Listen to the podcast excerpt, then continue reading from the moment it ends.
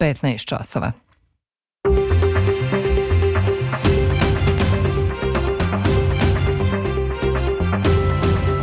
Radio Novi Sad. Novosti.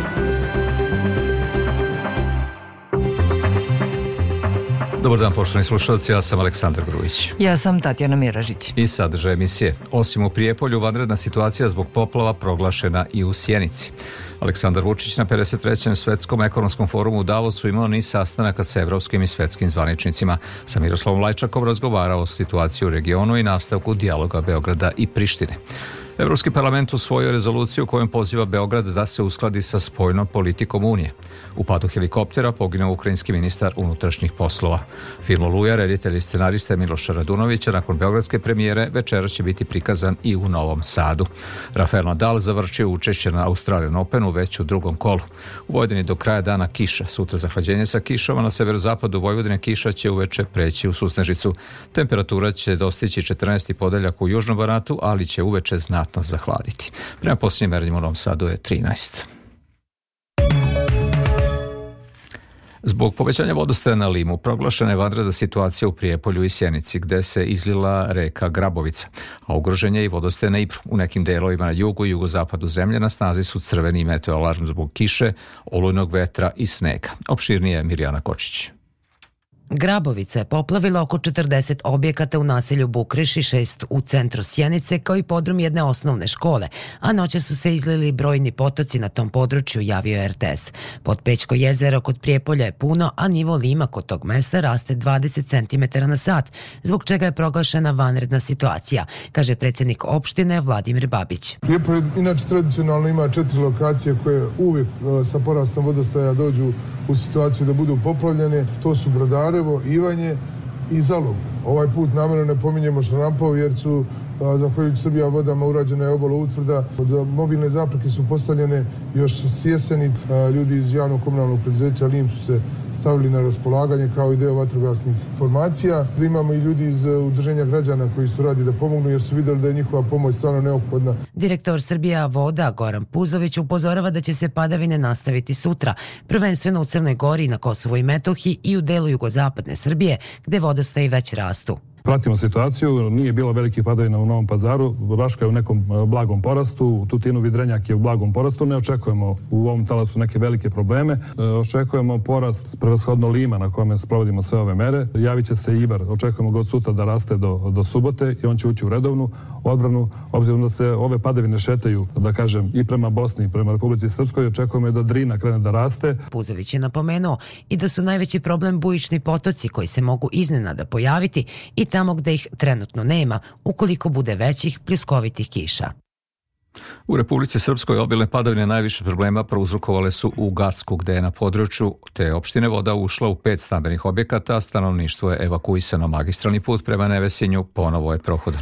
U Republičkoj upravi civilne zaštite kažu da je u svim delovima Republike Srpske trenutno stabilna situacija, a da se na području opština Gacko i Foča otklanjaju posledice obilnih padavina. Zbog novih najavljenih padavina na području opštine Trnovo proglašena je vanredna situacija. U Hercegovini se očekuju nove jake padavine. Novosti Radio Novog Sada. Drugog dana boravka u Davosu, gde učestvuje na 53. godišnjem sastanku Svetskog ekonomskog foruma, predsednik Srbije Aleksandar Vučić razgovarao sa više evropskih i svetskih zvaničnika. Popodne će prisustvovati neformalnom okupljanju svetskih ekonomskih lidera i učestvovati u diskusiji o tome kako obnoviti globalnu saradnju. Opširnije Vesna Balta. Situacija u regionu i dijalog Beograda i Prištine bile su glavne teme razgovora predsednika Aleksandra Vučića i specijalnog izaslanika Evropske unije za dijalog Miroslava Lajčaka. Na marginama foruma Vučić se sastao i sa premijerom Crne Gore Dritanom Abazovićem, kao i sa premijerom Luksemburga Xavijeom Betelom, kome je zahvalio što veruje u evropsku budućnost Srbije i pozvao ga da ponovo poseti našu zemlju. Planirano je da se predsednik Srbije u švajcarskom Davosu sastane sa premijerom Gruzije, Iraklijem Garibašvilijem, kao i sa predsednikom Republike Koreje, Juna Sokjolom, a predviđeni su i razgovori sa predstavnicima najvećih korejskih kompanija. Glavne teme Svetskog ekonomskog foruma u Davosu su ekonomski problemi, budućnost svetske ekonomije, rat i moguća rešenja za brojne izazove. Generalni sekretar Ujedinjenih nacija Antonio Guterres poručio je da ne vidi mogućnost da uskoro bude okončan rat u Ukrajini, jer, kako kaže, postoje velike razlike između zaraćenih strana. Današnju nestabilnu geopolitičku situaciju uporedio je sa hladnim ratom dodajući da, otkako pamti, svet nije bio u težoj situaciji. Specijalni predstavnik Evropske unije za dijalog Miroslav Lajčak posetit će u petak Beograd i Prištinu, a sa njim dolaze i savjetnici francuskog predsednika, nemačkog kancelara, italijanske premijerke, kao i zamenik državnog sekretara Sjedinjenih američkih država, izjavio je port parol za spojnu politiku Evropske unije Peter Stano. On je najavio da će se Lajčak u Prištini sastati sa premijerom privremenih institucija Albinom Kurtijem, a zatim u Beogradu sa predsednikom Aleksandrom Vučićem, kao i da će se razgovarati o sledećim koracima u procesu normalizacije odnosa između Srbije i Kosova. Evropski parlament usvojio je godišnji izveštaj izvestioca Davida Mekalistera o implementaciji zajedničke spoljne i bezbednostne politike za 2022. U rezoluciji koja je dobila podršku 407 poslanika takođe se apeluje usvojenim amandmanom na komisiju da pokrene nezavisnu i nepristrasnu istragu o tome da li ponašanje politika koju sprovodi komesar za proširenje Oliver Varhej predstavlja kršenje kodeksa ponašanja za članove komisije i komesarovih obaveza prema ugovorima. Iz Strasbura Ivan Ivić. U usvojenom dokumentu naglašena je važnost potpunog usklađivanja zemalja Zapadnog Balkana sa spoljnom i bezbednostnom politikom Unije, pogotovo u pogledu sankcija. U usvojenom izveštaju je takođe istaknuto žaljenje zbog i dalje niskog nivoa usklađenosti Srbije sa spoljnom i bezbednostnom politikom, posebno u pogledu rata koji je Ruska federacija pokrenula protiv Ukrajine i ponavlja se stav da bi dalja pregovaračka poglavlja trebalo otvoriti tek kada Srbija ojača svoju posvećenost reformama u oblastima demokratije i vladavine prava i pokaže punu usklađenost sa zajedničkom spoljnom i bezbednostnom politikom. Poslanici podsjećaju da Srbija kao zemlja koja teži evropskim integracijama mora da se pridržava zajedničkih vrednosti i prava Evropske unije. Očekujemo da se zemlje koje su u procesu proširenja u potpunosti usaglase korak po korak sa zajedničkom spoljnom i bezbednostnom politikom. To se odnosi i na usaglašavanje u sankcijama, rekao je izvestilac David McAllister. Sa takvom ocenom ne slaže se mađarski europarlamentarac Andor Deli. Smatram da Evropski parlament e, treba da e, se zaustavi u pogledu ovih poziva prema Srbiji da se uskladi, treba da ostavi više e, mesta za manevar, naročito u ovom osetljivom periodu, delikatnom periodu e, u kom se nalazi dijalog Beograda i Prištine e, i iz tog ugla gledano Evropski parlament opet kao što smo to već nažalost navikli e, sa svojim aktivnostima, sa svojim rezolucijama umesto da pomaže e, rješavanje e, problema stvara probleme na teritoriji Zapadnog Balkana. Napredak na putu ka EU treba da zavisi od trajnog i nepovratnog napretka ostvarenog kroz neophodne reforme vezane za EU, posebno u oblasti vladavine prava, ističe se u dokumentu. Parlamentarna skupština Saveta Evrope pozdravila je u nacetu rezolucije za Srbiju usvajanje ustavnih amandmana na referendumu 2022. kao i pripremu drugih podzakonskih akata u saradnji sa Venecijanskom komisijom i njihovu primjenu. Takođe se pozdravlja usvajanje izmena i dopuna izbornog zakonodavstva i izbor novog saziva Narodne skupštine kao odraza većeg političkog pluralizma i napredak u borbi protiv korupcije uz podršku našim vlastima da ustvoje strategiju za borbu protiv korupcije. Sa druge strane, parlamentarna Parlamentarna skupština Saveta Evrope poziva vlast u Srbiji da reši probleme sa pritiskom na novinare, medije i glasače, kao i da osigura slobodu skupova.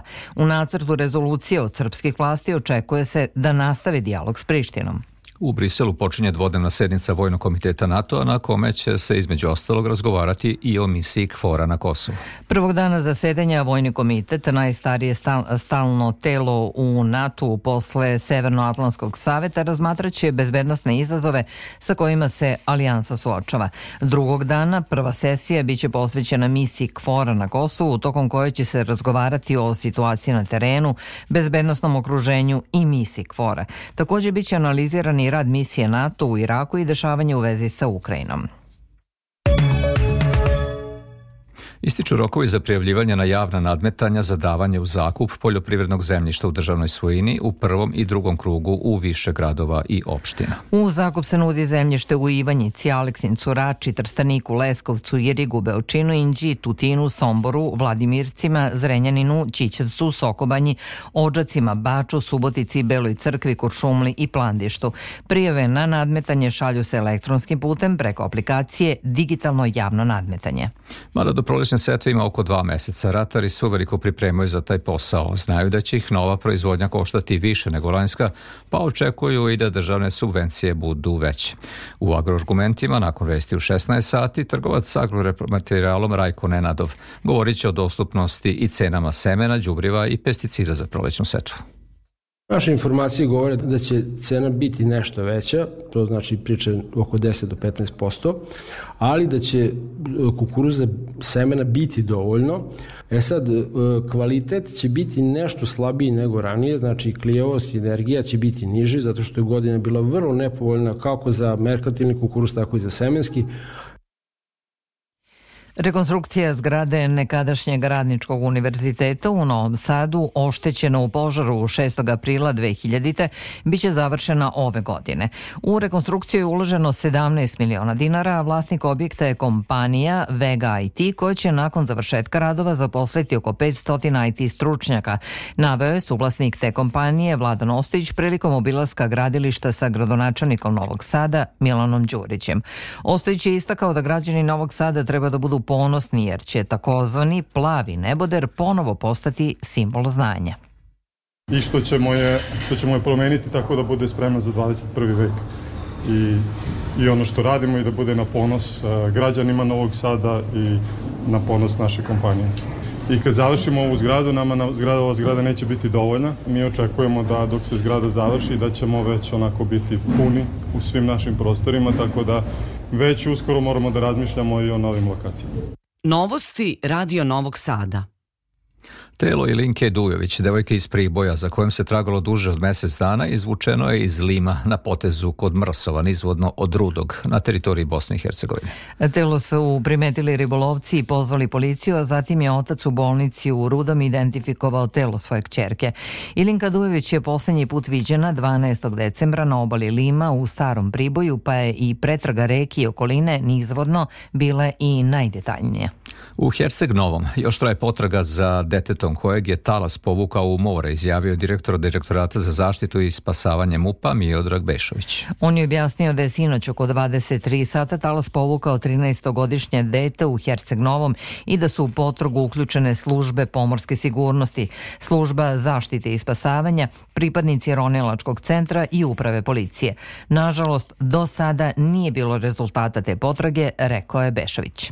U padu helikoptera u Kijevskoj oblasti poginuli su ministar unutrašnjih poslova poslova Ukrajine Denis Monastirsk i njegov prvi zamenik. U nesreći je poginulo 18 ljudi, među njima troje dece, a 26 osoba je povređeno. Helikopter se srušio u gradu Brovariju u Kijevskoj oblasti u blizini stambene zgrade i vrtića u kojem su u vreme pada letelice bila dece i zaposleni koji su evakuisani. Ukrajinski predsednik Volodimir Zelenski najavio je da će njegova zemlja uskoro dobiti još jednu bateriju raketnog odbrambenog sistema Patriot, ovog puta iz Holandije. On je rekao da da su time u Ukrajini zagarantovane isporuke tri baterije tog antiraketnog sistema, kao i da se radi na novim rešenjima za unapređenje protiv vazdušne odbrane. A predsednik Evropskog saveta Charles Michel podržao je slanje zapadnih tenkova u Ukrajini kao odgovor na napad Rusije. On je istakao da skoro godinu dana Rusija sledi strategiju uništavanja terora pokušavajući da potčini ukrajinski narod i da Ukrajincima hitno treba još opreme, a da će Evropska unija nastaviti podršku dokle god bude potrebno potrebna. Mirovni plan Zelenskog je absurdan i sa njime se pregovori nemogući jer je zakonom zabranio da se vode pregovori sa ruskom vladom, a Zapad vodi posredni rat sa Rusijom preko Ukrajine da bi konačno rešio rusko pitanje, izjavio je na godišnjoj konferenciji za novinare šef diplomatije Rusije Sergej Lavrov. Lavrov je ponovio da Ukrajina ne sme da ima vojnu infrastrukturu koja bi mogla da predstavlja opasnost za Rusiju, što je i cilj takozvane specijalne vojne operacije koje je pokrenula Rusija u februaru prošle godine. On je izjavio i da ćemo Moskva preduzeti vojno-tehničke mere ukoliko Finska i Švedska uđu u NATO. Predsednik Rusije Vladimir Putin rekao je da bi celokupan izvoz žitarica iz predstojeće žetve trebalo sprečiti jer su zemlji potrebne stabilne rezerve.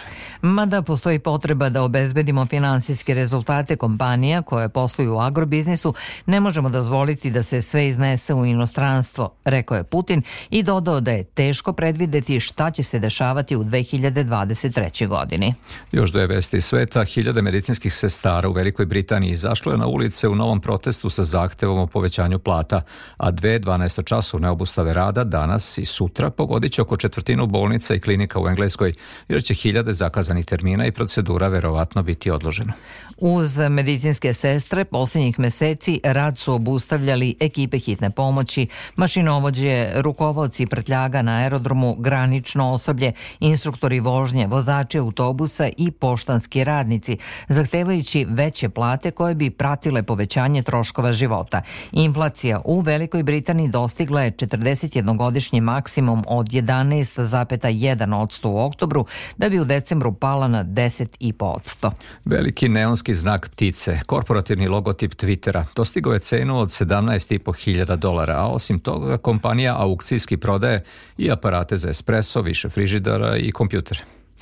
Izvršni direktor Twittera, milijarder Elon Musk, naumio je da znatno smanji troškove jer su mnoge kompanije prekinule reklamne kampanje na njegovoj društvenoj mreži. Nakon poziva više organizacija za ljudska prava da obustave oglašavanje, navodeći da ta društvena mreža ne uspeva da spreči širenje govora mržnje i drugog uvredljivog sadržaja na svojoj platformi.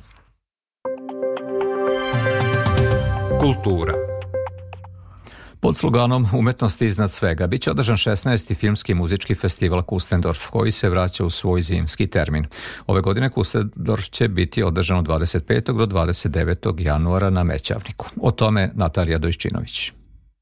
U fokusu ovogodišnjeg Kustendorfa jesu mladi filmski stvaraoci i velikani svetskog autorskog filma, ističe između ostalog reditelj Emir Kusturica. Mislim da autori koje smo pozvali i koji će doći da zapravo održavaju taj, rekao bih, visoki nivo te ideje da nijedan film se ne uvrsti ako autor ne dođe, a filmovi koji su uvršteni su prošli i imali svoju uh, ili uspješnu bioskopsku ili vene, uh, uh, festivalsku biografiju.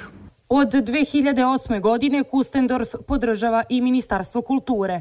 Ministarka kulture i podpredsednica vlade Srbije Maja Gojković istakla je između ostalog da će ove godine po prvi put prisustovati otvaranju festivala. Zašto kažem da je nama veoma značajan? Pa zato što isključivo slavi kulturu, isključivo je posvećen e, filmu. U takmičarskom programu 16. Kustendorfa naći će se 14 filmova od oko 400 pristiglih. Za nagradu zlatno, srebrno i bronzano jaje takmičiće se autori iz 11 zemalja.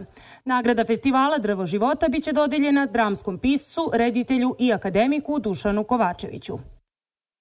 Nakon beogradske premijere film Oluje, reditelje i scenariste Miloša Radunovića večeras će biti premijerno prikazan u Novom Sadu. Projekcija u areni Cineplexa zakazana je u 20 časova. Opširnije Ana Čupić. Film Oluja prvo je domaće kinematografsko ostvarenje koje govori o progonu Srba iz Hrvatske 95. godine. Nastao je na osnovu svedočenja 20 ljudi proteranih sa svojih ognjišta. Reditelj Miloš Radunović je naglasio da je film stvarao bez političkih konotacija, da radnja prati nesreću četiri porodice, a da posle gledanja niko ne bi trebalo više da zarati. Glavni glumac Jovo Maksić istakao je da je rad na ovakvom projektu sa sobom nosi veliku odgovornost, pogotovo prema ljudima koji su to preživeli. Ovaj film je prevashodno, ja mogu da govorim svoje ime, krenuli smo da radimo, da ne dođe nikad nikom, ni najcrnijim neprijatelju da se više ovo ponovi, a vi pogledajte da si dan danas imate izbjeglice, imate ovih scena, imate gde god hoćete. Kad bi skinuli obeleže, kad bi skinuli ne, neke odrednice, ovo bi film mogao biti s bilo koje strane. Film Oluja biće na repertoaru domaćih bioskopa od sutra, a na proleće će biti emitovana i TV serija od 12 jednočasovnih epizoda. I sport. Na otvorenom prvenstvu Australije danas nije bilo naših igrača na terenu, a najveće iznenađenje napravio Amerikanac Mackenzie McDonald, koji je pobedio Rafaela Nadala sa 3 prema 0 setovima, pa je branilac titule u Melbourneu učešće na prvom Grand Slam turniru u sezoni završio već u drugom kolu. Sutra ujutru se sastaju Laslo Đere i bugarski teniser Grigor Dimitrov, a pobednik tog meča igraće protiv Novaka Đokovića. U derbi 18. kola Košarkaške lige Srbije Novosadska Vojvodina od 18 časova dočekuje aktualnog šampiona šampiona ekipu Zlatibora. Košarkašice Vojvodine od 16 časova i 30 minuta u sportskoj hali Petrova Radin igraju meč regionalne Superlige protiv Zagreba. U kupu izazivača od Bajkašice Uba od 18 sati dočekuju u srpskom derbiju jedinstvo i stare pazove.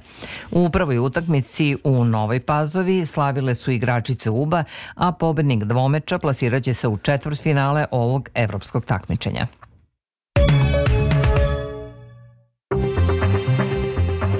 I pred kraj novosti još jednom najvažnije iz emisije. Osim u Prijepolju, vanredna situacija zbog poplova proglašena i u Sjenici.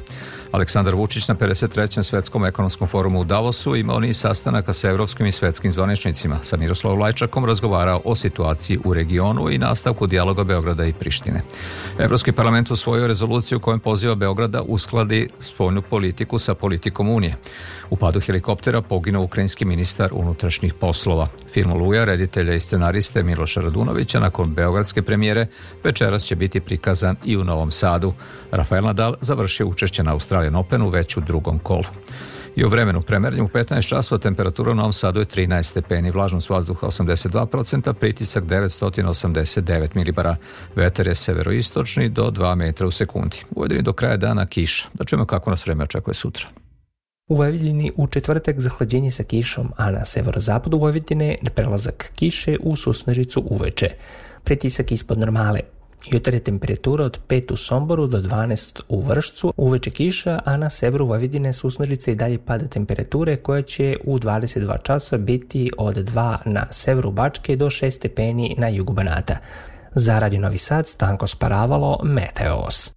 Slušali ste novosti prvog programa radija Javne medijske ustanove Vojvodine. Sve informacije pronađite i na našoj internet stranici na adresi rtv.rs gde novosti možete da čujete i odloženo.